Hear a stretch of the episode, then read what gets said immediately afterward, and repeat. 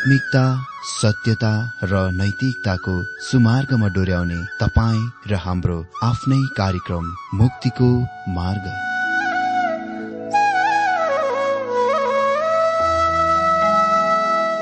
आदरणीय श्रोता यस मुक्तिको मार्ग कार्यक्रममा हार्दिक स्वागत छ। आशा छ यस आत्मिक कार्यक्रमद्वारा जीवनमा आत्मिक आशिष अलौकिक शान्ति र आनन्द प्राप्त गर्नुहुनेछ। र जीवनमा धन्य अनुभव गर्नुहुनेछ। आउनुहोस् श्रोता मन र आत्माको तयारीको लागि यो मिठो अनि मधुर भजन गीत सुनौ।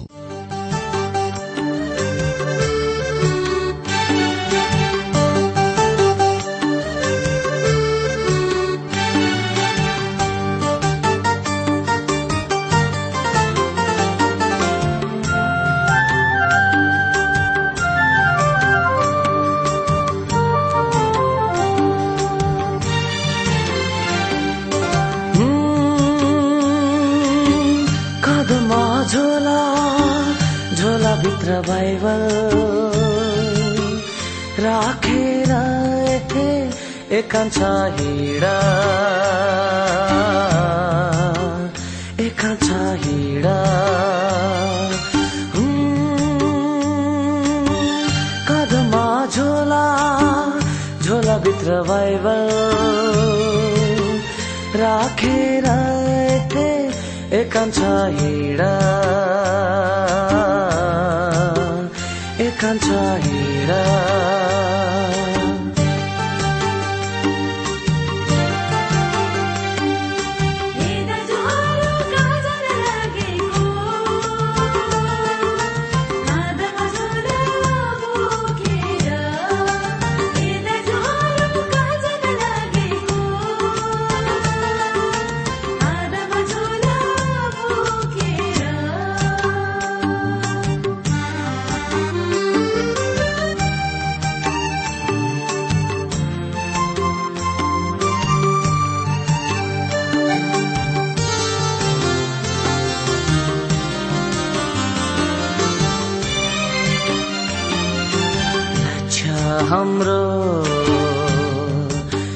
क्रिसको महान ज्ञान पुरो गर्न हो। लक्ष्य हाम्रो क्रिसको महान ज्ञान पुरो न हो।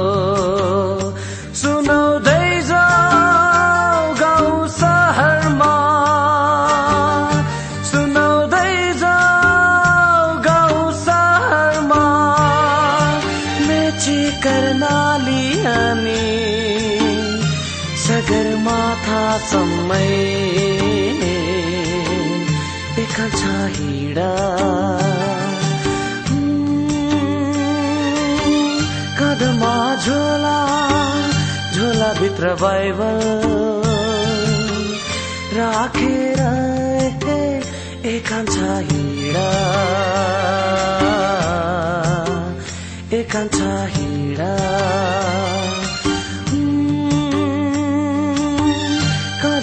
झोला झोला भित्र बाइबल। राखेर एकान्छ हिँडा। एकान्छ हिँडा।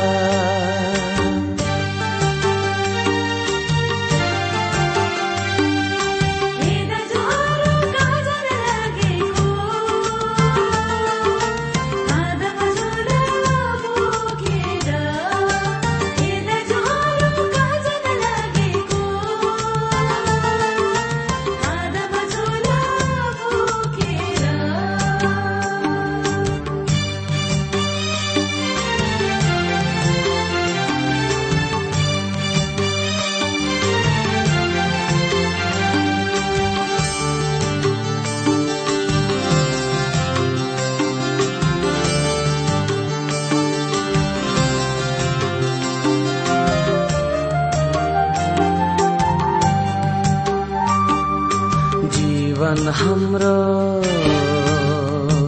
पुग्दैन होला। सुनौ सुनाउन सुसन्देश जीवन हाम्रो पुग्दैन होला। सुनाउन सुसन्देश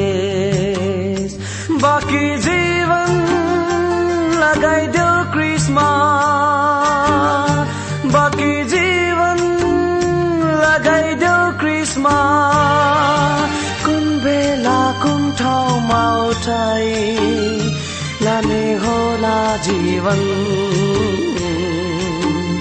एकान्छ हिँडा। कदमा झोला झोला भित्र बाइबल राखेर ए एकान्छ हिँडा। एकान्छ हिँडा।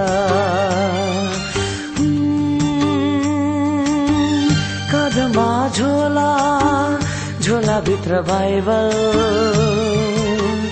राखेर एकान्छ हिँडा। एकान्छ हिँडा।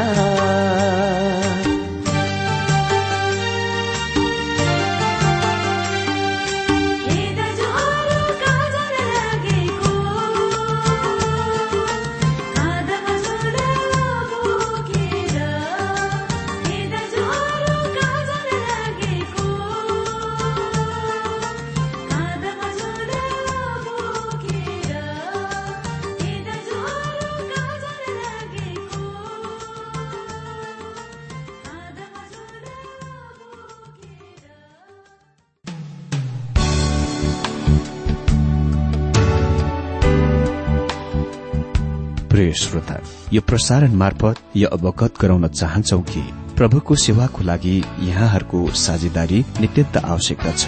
यहाँहरूले प्रार्थनाको साथसाथै आर्थिक सहायता गर्न अनुरोध गर्दछौ। तपाईँहरूको सानो भन्दा सानो भेटी किन नहोस्? हामी प्रभुको नाममा स्वीकार गर्नेछौ प्रभुको सेवाको लागि। तपाईँहरूको यो सानो लगानीले कसैको जीवनमा भिन्नता ल्याउँछ अनि प्रभुको महिमा हुन्छ। प्रभु तपाईँहरूलाई महान गरी आशिष दिनुहुनेछ। इच्छुक श्रोताहरूले तपाईँको इच्छा भेटी हाम्रो ठेगानामा पठाउन सक्नुहुन्छ जुन ठेगाना हामी कार्यक्रमको अन्तमा दिनेछौ। प्रिय श्रोता मित्र आज पनि यहाँ सबैलाई मेरो जयमसी नमस्ते अनि हार्दिक स्वागत छ। तपाईँहरूकै यो आफ्नो बाइबल अध्ययन कार्यक्रममा। श्रोता आज हामी यस विषयबाट बाइबल अध्ययन गर्नेछौ धार्मिक पापहरूको लागि मानिसहरूलाई हप्काई। र यस विषयबाट हामी अर्को दुई तीन दिन अध्ययन गर्नेछौ। आज हाम्रो वचन अध्ययनको लागि खण्ड मलाकी तीन अध्यायको सात पद। मित्र अहिले हामी यी अति नै धेरै चतुर तेज खालका प्रतिवेदनको छैटौं प्रतिवेदनतिर आउँछौ जुन यी मानिसहरूले परमेश्वरलाई दिन्छन्। यस पुस्तकमा त्यस्ता प्रतिवेदन रिपोर्ट आठवटा छन्। आठवटा। र हामीले ती मध्ये पाँचवटाको हेरिसकेका छौं। र अहिले हामी छैटौंतिर आएका छौं। यी मानिसहरूले परमेश्वरलाई हाजिर जवाब कार्यक्रममा जस्तै लगिरहेका थिए। परमेश्वरले कथन बनाउनु हुन्छ? र तिनीहरूलाई त्यसको प्रमाण गर्न भन्नुहुन्छ। परमेश्वरले त्यस इसरायल राष्ट्रको विरूद्ध आठ अपराध कार्यमा मुस्ने कामको दोषहरू ल्याउनुहुन्छ र तिनीहरूले असंगत अप्रासंगिक र धृष्ट प्रश्नहरू सोधेर प्रत्युत्तर दिन्छन्। परमेश्वरले तिनीहरूलाई नम्रपूर्वक र निश्चित रूपले उत्तर दिनुहुन्छ। तिनीहरू त्यस विध्वंसबाट तिनीहरूलाई हटाउन कोसिस गरिरहनु भएको छ जहाँ तिनीहरू लागिरहेका थिए। यी प्रश्नहरूमा अर्थ दिन व्याख्या दिनलाई यहाँ रोकिएर फेरि यी प्रश्न सोध्ने त्यस पिँढीहरूको बारेमा विचार गर्दा उक्तम होला। इसरायलका मानिसहरू बाबेलमा कैदमा सत्तरी वर्ष रहेपछि केही संख्यामा इसरायलीहरू आफ्नो मुलुकमा फर्किआए।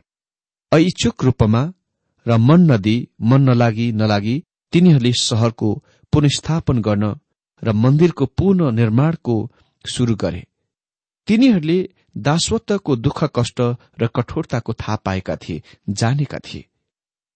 मिश्रको ईट बनाउने खेतहरूमा तिनीहरूका पिता पुर्खाहरू जस्तै तिनीहरू निश्चय नै दुःखमा कष्टमा गहिरो आवाज निकालिरहेका थिए चितकार छोडिरहेका थिए। मलाई विश्वास गर्नुहोस् तिनीहरूले सोचे जब तिनीहरू फर्कन्थे हरेक कुरा आनन्द खुशीको र असल कुरा हुने थियो। र तिनीहरूको निम्ति हरेक कुरा आसन हुने थियो। तर त्यस्तो कुनै कुरा त्यहाँ थिएन। यी चाहिँ अनुशासन गर्न परमेश्वरको विधि थियो। यो ठिकठाक गर्ने सोझ्याउने उहाँको तरिका थियो। तर यसले त्यस्तो कुनै असल खालको प्रभाव गरेर परिणाम पाएन। अनुशासनले या त तपाईँलाई कठोर बनाइदछ या नम्र बनाइदछ। अनि यी मानिसहरू अझ कठोर बने र त्यस जुवा मुनि कटु बने जुनले तिनीहरूलाई दलेर घाउ बनाएको थियो। तिनीहरू पत्थर जस्तै कठोर बने। तिनीहरू ती कैदीहरू जस्तै थिए जसलाई जेलबाट मुक्त गरियो तर अझै सुध्रिएका चाहिँ थिएनन्। वा त्यसबाट कुनै शिक्षा पाठ सिकेका थिएन। वास्तवमा त्यहाँ त्यसभन्दा अधिक धेरै कुनै कुरा छैन। तिनीहरूको निम्ति परमेश्वरले गर्न सक्नुहुने थियो। अरू त के? परमेश्वरले सोझ्याउने ठिक पार्ने कुराको आफ्नो अनन्तता अपरिमित हात हतियारको निषेध गर्नुभयो। यो नै पीढ़ीको माटोबाट फरिसीहरू सदुकीहरू र शास्त्रीहरूको विशालु बोट बढेको थियो जो चार सय पछि येशुख्रिस्टको समयमा अस्तित्वमा थिए। ओ यो मण्डलीको समयमा परमेश्वरको विरूद्ध जुन इसरायल राष्ट्रमा विद्रोहको डण्डीफोर जस्तै घाउ थियो तर प्रभु येशुको समयमा त्यो आन्तरिक क्यान्सर बन्यो। परमेश्वरले भाइरस कीटाणुको फैलावटको रोक्न त्यसको घाउमा तातो फलाम वा धाकले जलाउन कोसिस गर्नुभयो र उहाँले तिनीहरूमा तिनीहरूका विरूद्ध आठवटा अभियोगहरू ल्याउनुभयो। तिनीहरूका प्रति जवाब प्रत्युत्तरले तिनीहरूको मनोवृत्तिको प्रकट गर्दछ। तिनीहरूले तर्क गरे कि ती सबै अभियोगका तिनीहरू दोषीहरू थिए र तिनीहरूले यस कुरामा अचम्म आश्चर्यको व्यक्त गरे कि परमेश्वरले तिनीहरूलाई शंका गर्नुहुनेछ भनेर। तिनीहरूले आघात घायल निर्दोषता र निष्कपटताको बहाना बनाए। तिनीहरूले चोटित आघात अनुभूतिहरूको बहाना गरे स्वाङ गरे। तिनीहरूले अनभिज्ञता अजानको बहाना बनाए स्वाङ गरे। तिनीहरू प्रभुका आरोपद्वारा अति नै धेरै चोट पुर्याएका पात्रको रूपमा आफैलाई पेश गरे र तिनीहरूले परमप्रभुद्वारा लगाइएका हालिएका सम्पूर्ण दोष र अभियोगहरूको इन्कार गरे रद्द गरे र आफैलाई निर्दोष देखाउन विभिन्न किसिमका बहाना दिए। यो अति नै महान कुरा र गम्भीर कुरा छ। यो अहिले छैटौं कटु र व्यङ्ग्यात्मक प्रश्न हो जुन ती मानिसहरूले परमेश्वरको अभियोग र दोषहरूको निम्ति प्रत्युत्तरमा दिन्छन्। परमेश्वर अहिले मानिसहरूलाई केही गर्न बोलाइरहनु भएको छ। तीन अध्ययको सात पदमा लेखिएको छ तिमीहरूका पिता पुर्खाको समयदेखि नै तिमीहरू मेरो उर्दीहरूदेखि तर्केर गएका छौ र ती तिमीहरूले पालना गरेका छैनौ। मतिर फर्क र म तिमीहरूतिर फर्कनेछु सर्वशक्तिमान परमप्रभु भन्नुहुन्छ। तर तिमीहरू त सोध्छौ हामी कसरी फर्कौं? मित्र यिनीहरू कस्ता चतुर मानिसहरू थिए। तिनीहरू परमेश्वरलाई भन्छन् तपाईँ भन्नुहुन्छ कि हामी तपाईँ कहाँ फर्कनु पर्छ हामीलाई थाहा थिएन कि हामी तपाईँबाट टाढा बहुतारी गएका थियौं। हामी मन्दिरमा सम्पूर्ण सेवाहरूमा गइरहेका थियौं र अझै गइरहेकै छौं। हामीले दशांशहरू पनि दिइरहेका छौं बलि चढाइरहेका छौं उहाँको निम्ति। हामी फल्ना फल्ना कुरा गरिरहेका त हामी कसरी तपाईँका फर्कने जब हामीले तपाईँलाई छोडेकै छैनौं?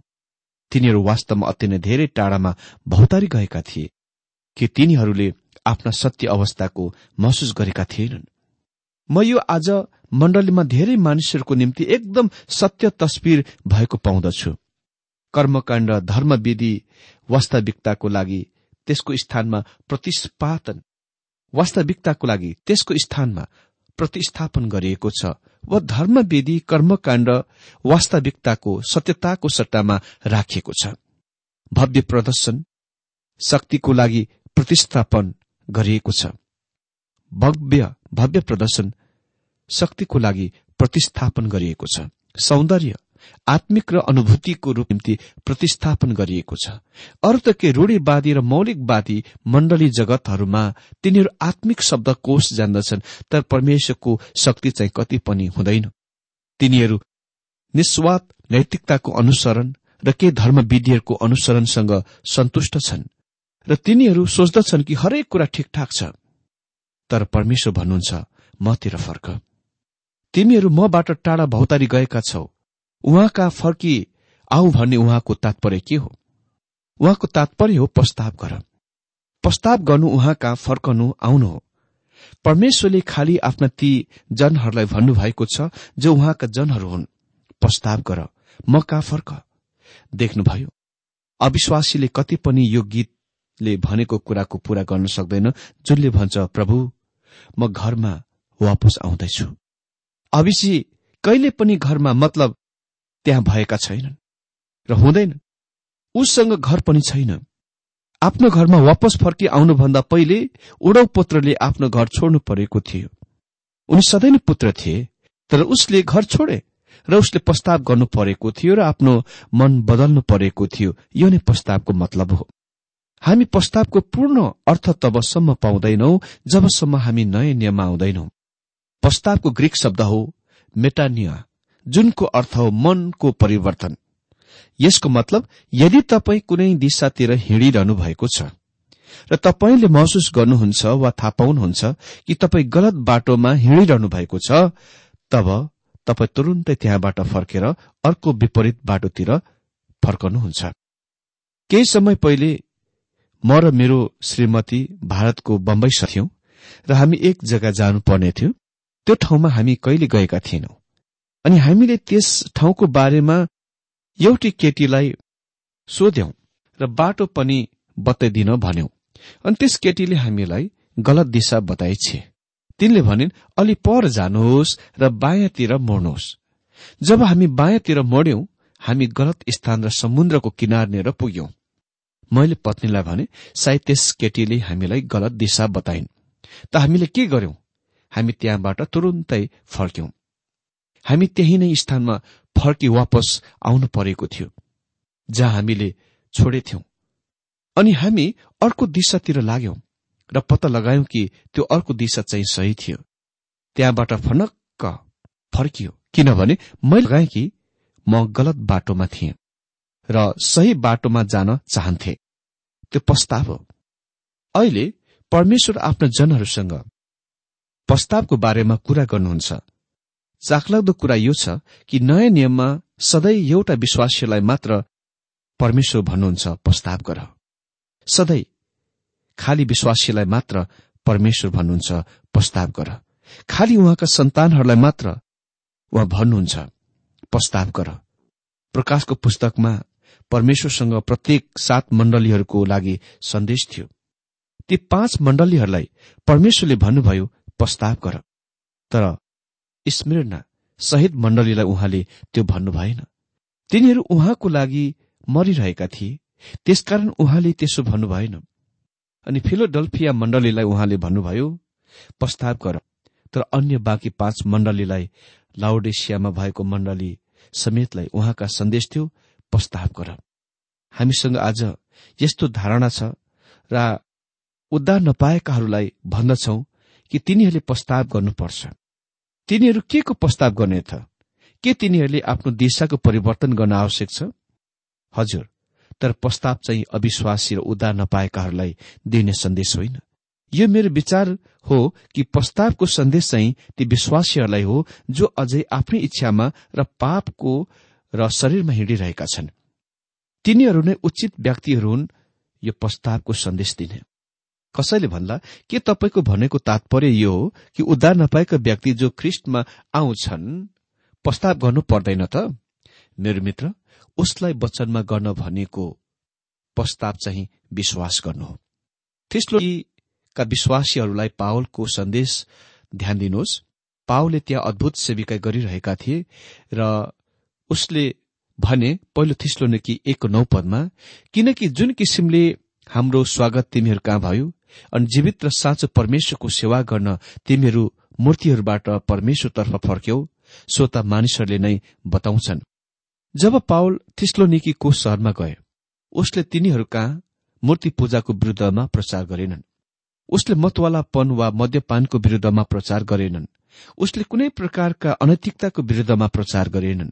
यो नै कारण म त्यस तरिकाको विधिको पछ्याउँदिन। खालि जब परमेश्वरको वचनले यी कुराहरूमा विषयहरूमा आफसे आफ छुँदछ तब मात्र म यी विषयहरूलाई छुन्छु। गुमेका निन्दित संसारका लागि हाम्रो सन्देश हो जुन पाओले फिलिपी जेलरलाई दिए। प्रेरित सोह्र अध्यायको एकतिस पदमा प्रभु येशु ख्रिस्टमा विश्वास गर र तिमी उद्धार पाउनेछौ। वचनमा विश्वास नै तपाईँलाई आवश्यक प्रस्ताव हो। जब पाउल तिस्लो निकीमा गए र प्रचार गरे के उसले प्रस्तावको प्रचार गरे? अह उसले ख्रिस्ट प्रभुको बारेमा प्रचार गरे। उसले भने तिमीहरू कसरी मूर्तिहरूबाट परमेश्वर कहाँ फर्क्यौ? थिस्लोनिकीहरू एक दिशातिर गइरहेका थिए अनि पाउले भने म तिमीहरूलाई येशु ख्रिस्टको बारेमा बताउन चाहन्छु जो तिमीहरूका पापहरूको निम्ति मर्नुभयो। अनि थिस्लोनिकीहरू ख्रिस्टका फर्के? तर जब तिनीहरू ख्रिस्ट कहाँ फर्के तिनीहरू मूर्तिहरूबाट फर्के र फर्किने कुरा चाहिँ प्रस्ताव हो। तिनीहरू ठिक अर्को दिशातिर फर्के देख्नुभयो। तर यो शब्द विश्वासमा छ। मित्र तपाईँसँग फर्कनलाई कुनै न कुनै कुरा छ। तपाईँ खालि कुनै मानिसलाई यो मात्र भन्नु सिक्नु प्रस्ताव गर। मैले प्रभुमा विश्वास नगर्दै एउटा ठूलो मिटिङ सभामा जाने मौका पाएथे अनि त्यस बेला ठूलो प्रभुका वक्ता बाहिर देशदेखि आउनु भएको थियो। सन्देशको पछि जब उहाँले प्रभुलाई ग्रहण गर्न चाहनेहरू यहाँ मञ्चतिर आऊ भन्नुभयो बोलाउट गर्नुभयो। म पनि अरू मानिसहरूसँगै त्यहाँ गएँ। कसैले मलाई परामर्श गरेनन्। म त्यस बेला रुएँ। बस त्यति मात्र। म त्यसकारण रोएँ किनभने मेरो छेउमा मेरो ख्रिस्टियन मित्र उभिरहेको रुइरहेको देखे अनि उसको आमा पनि रुइरहेकी थिइन्। तिनी जोर जोरले रुइरहेकी थिइन् अनि त्यो केटा मेरो सामने आए र मलाई भने उसले प्रार्थना गरिसके र प्रस्ताव गरे। मलाई थाहा छैन कि उसको तात्पर्य के थियो तर त्यो जेसुकै होस् मैले त्यो गरिन। कसैले मलाई ख्रिस्टको बारेमा बताएन। ख्रिस्टको बारेमा प्रस्तुति गरेनन्। म प्रस्ताव गर्नलाई तयारी थिएँ किनभने म संसारमा अति नै तुच्छ खराब केटा थिएँ। यद्यपि मेरो आमा बुबाले त्यस्तो नसोचे तापनि मेरो पापहरूको लागि रुन सके तर मलाई ख्रिस्टको आवश्यक थियो। अनि जब तपाईँ ख्रिस्ट कहाँ फर्कनुहुन्छ तपाईँ ती कुराहरूबाट फर्कनुहुनेछ। तर पनि धेरै परमेश्वरका सन्तानहरू त्यो उडौ पुत्र जस्तै टाढाको देशमा भौतारी जान्छन् र उहाँ भन्नुहुन्छ प्रस्ताव गर घरमा आऊ। अनि त्यो नै मानिस उहाँका आउनै पर्छ। त्यहाँ धेरै विश्वासीहरू छन् जो घरमा आउन उहाँ कहाँ आउन आवश्यक छ। परमेश्वर सड़कका उद्धार नपाएका मानिसहरूको बारेमा कुरा गरिरहनु भएको छैन। उहाँ तपाईँसँग गरिरहनु भएको छ र उहाँ भन्नुहुन्छ घरमा आऊ। वापस आऊ। तपाईँ त्यस संसारिकतामा के गरिरहनु भएको छ? अभिलाषामा के गरिरहनु भएको छ? तपाईँ के पाप गरिरहनु भएको छ? परमेश्वर भन्नुहुन्छ घर आऊ। फर्क। घर आऊ। त्यो चाहिँ विश्वासीहरूलाई सन्देश हो। अनि यो इसरायलमा भएका उहाँका सन्तानहरूलाई उहाँले भन्नुभयो म कहाँ फर्क। म तिमीहरू कहाँ फर्कने छु? जब उडौ पुत्र घर फर्किआए उसले कोरा पाएन। तर उसले त्यो टाढाको देशमा प्रशस्त कोरा पाएका थिए। यदि तपाईँ सोच्नुहुन्छ सुँगुरको खोर आनन्दमय स्थान थियो। तपाईँ गलत सोचिरहनु भएको छ। अनि पापमा लिप्त हुने फस्ने कुनै पनि विश्वासीहरूले यसको साक्षी दिन सक्छ कि त्यो कति पनि आनन्दमय कुरा होइन। त्यो आनन्दको स्थान होइन। महत्वपूर्ण कुरा चाहिँ त्यस खोरबाट बाहिर आउनु हो। मित्र यदि संसारमा सुँगुरको खोरमा रहन मन पराउने र त्यहाँ नै रहन चाहने कुनै प्राणी छ भने त्यो खालि सुँगुर हो। पुत्रहरू सन्तानहरू कति पनि खोरमा मन पराउँदैनन् र त्यहाँबाट तिनीहरू बाहिर निस्किजानेछन्। मलाकीको दिनमा मानिसहरूले इन्कार गरे कि तिनीहरूलाई परमेश्वर कहाँ फर्किआउन आवश्यक छ र प्रस्ताव गर्न आवश्यक छ। तिनीहरू त्यस्तो अभिनय गर्थे मानव तिनीहरूले त्यस्तो केही कुरा गरेकै छैनन्। तिनीहरू त्यस्तो कहीँ गएका छैनन्। तिनीहरू ठिक त्यहीँ छन्। तिनीहरू भन्छन् मन्दिर अति नै खचाखच भरिएको छ। हामी सम्पूर्ण धार्मिक अनुष्ठान विधिहरूमा भएर गइरहेका छौं पालन गरिरहेका छौं। तपाईँको अब तपाईँको तात्पर्य के हो? प्रस्ताव गर भन्नुको? तपाईँको मतलब के हो? तपाईँतिर फर्कने भनेको? हामी पहिले नै त्यहाँ छौं नि।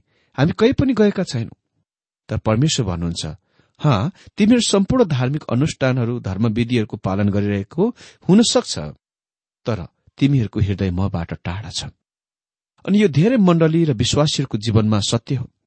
मानिसहरू तमाम किसिमका धर्मविधिहरू संस्कारहरूको पालन गर्छन्। तिनीहरू राम्रा राम्रा आत्मिक शब्दहरूको शब्दकोशहरू प्रयोग गर्छन्। भन्छन् जय मसी हाले लुया आमिन प्रेज द लोड त तिनीहरूका हृदय उहाँबाट टाढा छन्। उहाँ हामीलाई प्रस्ताव गर्न भनिरहनु भएको छ। तर यो धेरै क्रिस्चियनहरूको निम्ति गर्नलाई अति नै मुस्किलको कुरा देखाइ पर्छ। मलाई थाहा छैन किन। किनभने यो संसारका अन्य कुनै मानिसभन्दा हाम्रो लागि सजिलो हुनुपर्ने हो। मैले एक मण्डलीको बारेमा सुनेको थिएँ जहाँ एक मण्डलीको पदाधिकारी उठेर मण्डली समितिलाई सल्लाह दिए कि उसले हरेकसँग केही गडबड भेटाइरहेका थिए। त्यसमा पास्टर पनि संलग्न थिए र उसले महसुस गरे कि सम्पूर्ण मण्डली पदाधिकारीहरूले प्रस्ताव गर्नुपर्छ। तपाईँलाई थाहा छ तिनीहरूले त्यस मानिसलाई के गरे? उसलाई तिनीहरूले यति धेरै बेजेत गरे अपमान गरे यसले अन्तिममा उसलाई श्रमले गर्दा मृत्युमा ल्यायो। हेर्नुहोस् मण्डलीमा केही पदाधिकारीहरू प्रस्ताव गर्न राय दिँदा उसलाई त्यस किसिमले व्यवहार गरिएको थियो जसलाई वास्तवमा प्रस्ताव गर्न आवश्यक पनि थियो। इसरायलले भन्यो हामी कहाँ फर्कौं? हामी कसरी प्रस्ताव गर्न सक्छौ? हामी सुन्दर धर्मी र असल मानिसहरू हौ। हामीलाई प्रस्ताव गर्न आवश्यक छैन। बाहिरका अरू मानिसहरूले प्रस्ताव गर्न आवश्यक छ। आज हाम्रो मण्डलीमा पनि धेरै त्यस्ता मानिसहरू छन् जसले यसरी सोध्छन् यसरी विचार गर्छन् कि हरेकले प्रस्ताव गर्नु पर् तिनीहरूलाई आवश्यक छैन। तर हामीलाई यसको आवश्यक छ। हामी आज परमेश्वर कहाँ फर्कन आवश्यक छ। जब मानिसले प्रति जवाब प्रतिक्रिया दिन्छन्। मलाई विश्वास गर्नुहोस् परमेश्वरले साँच्ची नै यहाँ घाउको खोलिदिनुहुन्छ र यसको चोट र यसले चोट पुर्याउँछ। यस समयमा कोही कोही श्रोताहरू मेरो सन्देशलाई सायद सुन्न चाहँदैनन् होला किनभने यो मनलाई खुसी पार्ने घिउ दलेको सन्देश छैन। मलाई लाग्दैन कि मलाकीको पुस्तक मजाको घिउ दलेको पुस्तक हो तर म यसको आनन्द गर्छु। किनकि मलाकी मसँग पनि कुरा गरिरहेका छन् जस्तो कि उनी अरूहरूसँग कुरा गरिरहेका छन् र हामीसँग यस प्रकारले कुरा गरिनलाई आवश्यक छ। यो महत्वपूर्ण छ। मित्र परमेश्वरले आजको यो बाइबल अध्ययनद्वारा हरेकलाई धेरै धेरै आशिष दिनुभएको होस्।